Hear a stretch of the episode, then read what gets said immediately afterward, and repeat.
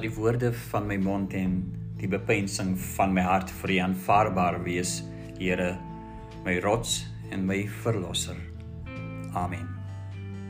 Welkom Florianwil. Dis die eerste aand van ons week van gebed en so dis Maandag 23 Januarie. Die tema vir hierdie jaar is Jy is my geliefde. En ons sal die teksgedeelte later lees. Dit is Markus 1 vers 11. Dis waar hierdie woorde ook staan. Nou ek het gekies om die boek van Henry Nouwen te volg met die titel A Life of the Beloved.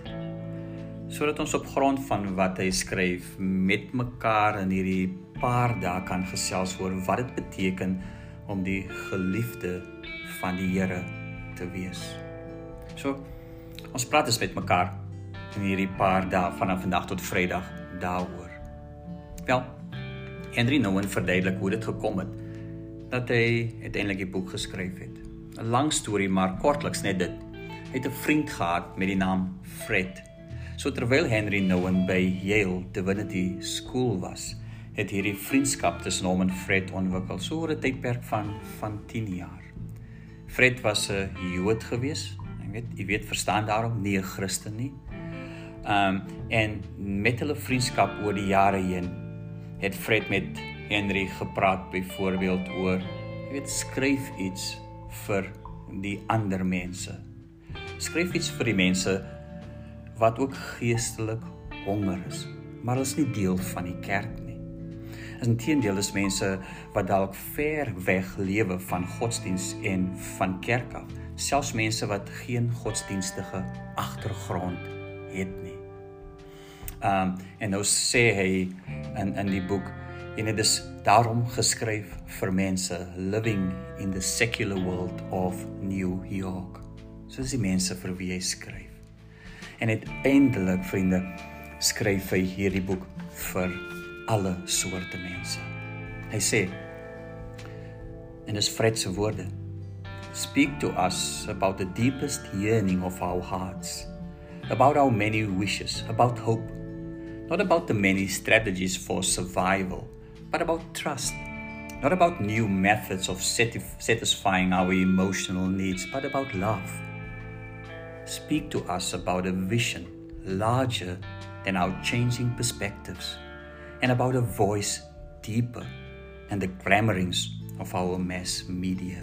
Yes, speak to us about something or someone greater than ourselves.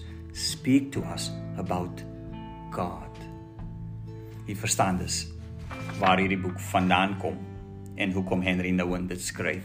Soos ek sê, dit het my op 'n manier geraak en ek wil dit graag met julle ook deel. So met ander woorde, dis vir alle mense uiteindelik. Dis vir mense wat lewe van werk en huis toe kom en daar's niks anders nie. Dis vir mense wat in hulle daagse lewe geweld ervaar en slagoffers is van soveel ander dinge en ander misdade ook, korrupsie, jy kan dit maar opnoem. Ek dink daarom is vir alle mense. En ek dink daarom natuurlik is dit ook vir ons as kerkmense. In ons teksgedeelte Met ander woorde skryf Markus die volgende woorde. Markus 1 vers 9. En daardie dae het Jesus vanaf Nasaret in Galilea gekom en is hy deur Johannes in die Jordaan gedoop. Net toe hy uit die water opkom, het hy die hemel sien oopgaan en die Gees soos 'n duif op hom sien neerdal en 'n stem uit die hemel gekom: "Jy is my seun, my geliefde, oor jou verheug ek my. En dis die woord geliefdes of geliefd wat Henry Nouwen kies. Jy weet vir mense, vir alle mense wat leef in hierdie wêreld. En dis hoe hy kies om sy lesers ook te noem. Alles op grond van die verhaal van Jesus se doop. Die woord is die stem wat vanuit die hemel kom, die hemel wat oopgaan die gees wat soos 'n duif neerdal op Jesus Christus en dan God se stem self uit die hemel jy is my seun my geliefde oor jou verheug ek my Selik woorde as ons mooi daaroor kyk wat kom van uit Psalm 2 vers 7. En dit was ook nie die enigste geleentheid wat Jesus hierdie woorde van sy Vader gehoor het nie. Ja, toegegee. Die doop van ons Here Jesus Christus het besondere betekenis. 'n bevestiging vir wie Jesus is en vir sy taak wat begin. Dis sy bediening wat van hierdie oomblik af sal verder gaan. Hy is daartoe gesalf deur die doop. Maar is terselfdertyd ook God se nuwe begin met die wêreld. God se teenwoordigheid in die wêreld wat nou anders en nuut is. En is 'n mooi manier ook Jesus wat ten volle bevestig word, ten volle bemagtig word en ten volle gebegenadig word. Kan ons die woorde vir onsself neem? Ek onthou wat Jesus gedoen het. In Markus 10 vers 21 is die ryk jong man by Jesus met die allerbelangrike vraag oor die ewige lewe. En dan lees ons sal Jesus na hom kyk en hom liefkry.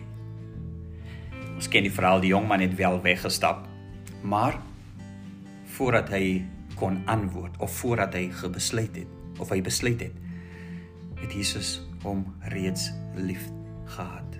Hy was geliefd in die oë van die Here. En ek dink daarom Jesus ervaar dat hy geliefd is deur sy hemelse Vader Ons sien dit in die lewe van ander ook dat Jesus so na hulle kyk en hulle ook geliefdes in sy oë en ek dink daarom is Henry nou en waar ons kan hierdie titel vir onsself toeëien. Dis ook wie ons is. In 'n wêreld wat geen genade teenoor ons toon nie. In 'n wêreld waar ons eintlik maar nooit genoeg is nie. Betye eintlik maar niks werd is. En selfs nog verder eintlik veragtelik geword het in die oë van ander moet ons hierdie woorde hoor en vir Henry Nouwen is die grootste struik waarin ons kan trap of kan val is hierdie ding oor selfverwerping ja daar's baie ander goed um, wat vir ons groot versoekings bring. Dit mag sukses wees om populêr te wees. Hierdie is van die groot goed wat ons gedurig deur versoek. Maar ek dink hy's reg as hy sê onderliggend aan al hierdie dinge is daar hierdie selfverwerp. En dan word om jouself beter te laat voel.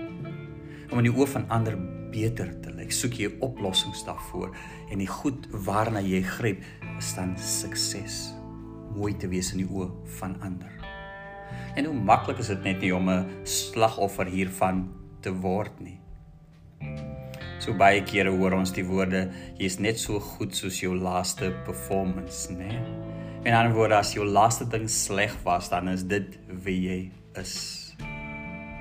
En daarom in plaas daarvan as jy moeilikheid ervaar in hierdie lewe, in plaas daarvan om jou eie beperkings te besef. Met my antwoorde dat jy nie alles altyd kan doen nie of die beste in alles uh doen nie. Maar ook dat jy nie die beperkings in die lewe van ander mense besef nie. En as goed met jou gebeur dan blameer jy jouself daarvoor. En nie vir wat gebeur het nie, maar jy gaan selfs verder. Jy uh blameer jou vir wie jy is en dan uiteindelik begin glo jy maar is werklik goed vir niks. En dan begin twyfel jy in jouself. Ja, daar's verskeie meganismes om hiervan weg te kom. So baie daarvan doen ons ook en so raak ons baie keer arrogant ook om onsself natuurlik te beskerm. Henry Nouwen sê daarom self-rejection is the greatest enemy of the spiritual life because it contradicts the sacred voice that calls us the beloved. Being the beloved expresses the core truth of our existence. Dis waar van elkeen van ons. Hierdie is eintlik die mees intieme waarheid van almal in die wêreld wat ons geliefdes. En daarom dink ek vir hierdie week van gebed kyk ons na hierdie term weer eens en wie ons is in die oë van die Here. En moet ons en ek wil ons eintlik maar oproep daartoe om hierdie absolute waarheid te glo van wie jy is. Absoluut net hierdie waarheid te glo. Maar dis die ding. ons glo onsself nie. En ons glo ook nie hierdie waarheid nie.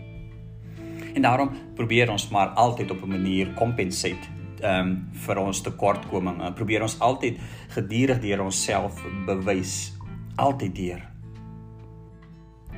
Wat ook waar is, is dat daar tog soveel mense in ons lewens is vir wie wie hierdie waarheid van God tog wil waarmaak in ons lewe en dit vir ons ook bewys. Daar is mense vir wie ons net geliefd is. En ek weet nie wie dit vir julle is nie, maar ons het almal het sulke mense. Jy weet as of dit nou ouers of vriende is en baie kere sommer selfs vreemdelinge wat die mooi in ons raak sien en ons soms daar uh, met ons daaroor praat en ons komplimenteer vir wie ons is. Daar's soveel mense wat werklik net omgee. En sonder letterlik sonder enige veroordeling net dink dat ons baie besonder is. En daarom word ons aangemoedig en ons word ondersteun en ons word bevestig keer op keer. Ja. Maar baie kere is dit asof ons hulle steeds nie glo nie.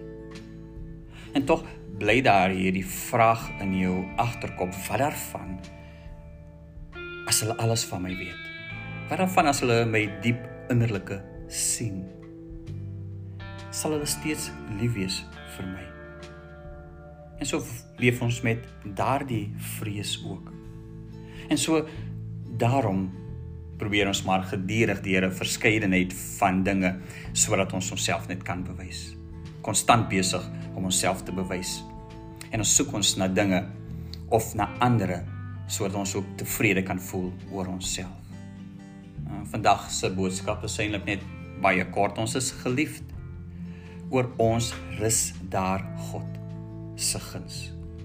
Nou hierdie is hierdie is die groot waarheid wat ons vandag moet hoor. En dan word niemand deur wat hulle vir my sê en hoe hulle oor my dink kan iets wegvat van wie ek is in die oë van die Here nie. Onthou Jeremia 1 sal die Here vir Jeremia sê voordat jy in jou moeder skoot gevorm is, nê, het ek jou geken. En as 'n mooi aanvaarding vir wie Jeremia is in jou Jesaja 49 jou naam het ek in my handpalms gegraveer. Matteus 10 vers 30. Selfs die hare op jou kop is almal getel. Daarom moenie bang wees nie. Jy is baie baie werd. En natuurlik die mooi gedeeltes van Paulus wat sê dat niks sal jou skei van die liefde van ons Heer Jesus Christus nie. En dit is ons kort boodskap vir vandag. En ek wil hê vriende, jy, jy moet 'n bietjie tyd spandeer daarmee. Regtig 'n bietjie tyd spandeer met hierdie wete dat u dat jy geliefd is in die oë van die Here. Om geliefd te wees beteken natuurlik natuurlik ook dat jy geliefd word. Maar dis die volgende paar aande se se boodskap en dan gaan ons daarna kyk. Maar vir vandag wil ek julle net absoluut verseker en baie baie geliefdes. Wie hulle is is goed vir die Here. Ons moet dit net word. Weereens, ons praat daaroor in die reg van die aande, res van die aande. So raak dit net vir 'n wyle stil. Miskien kan ons net ons gedagtes laat gaan. En daarna sal ek net vir ons die seën uitspreek.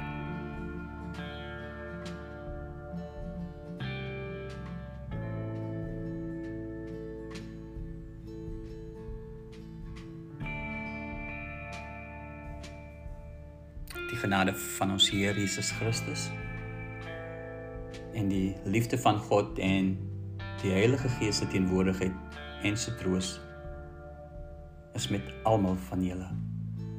Julle wie die Here se geliefdes is. Amen.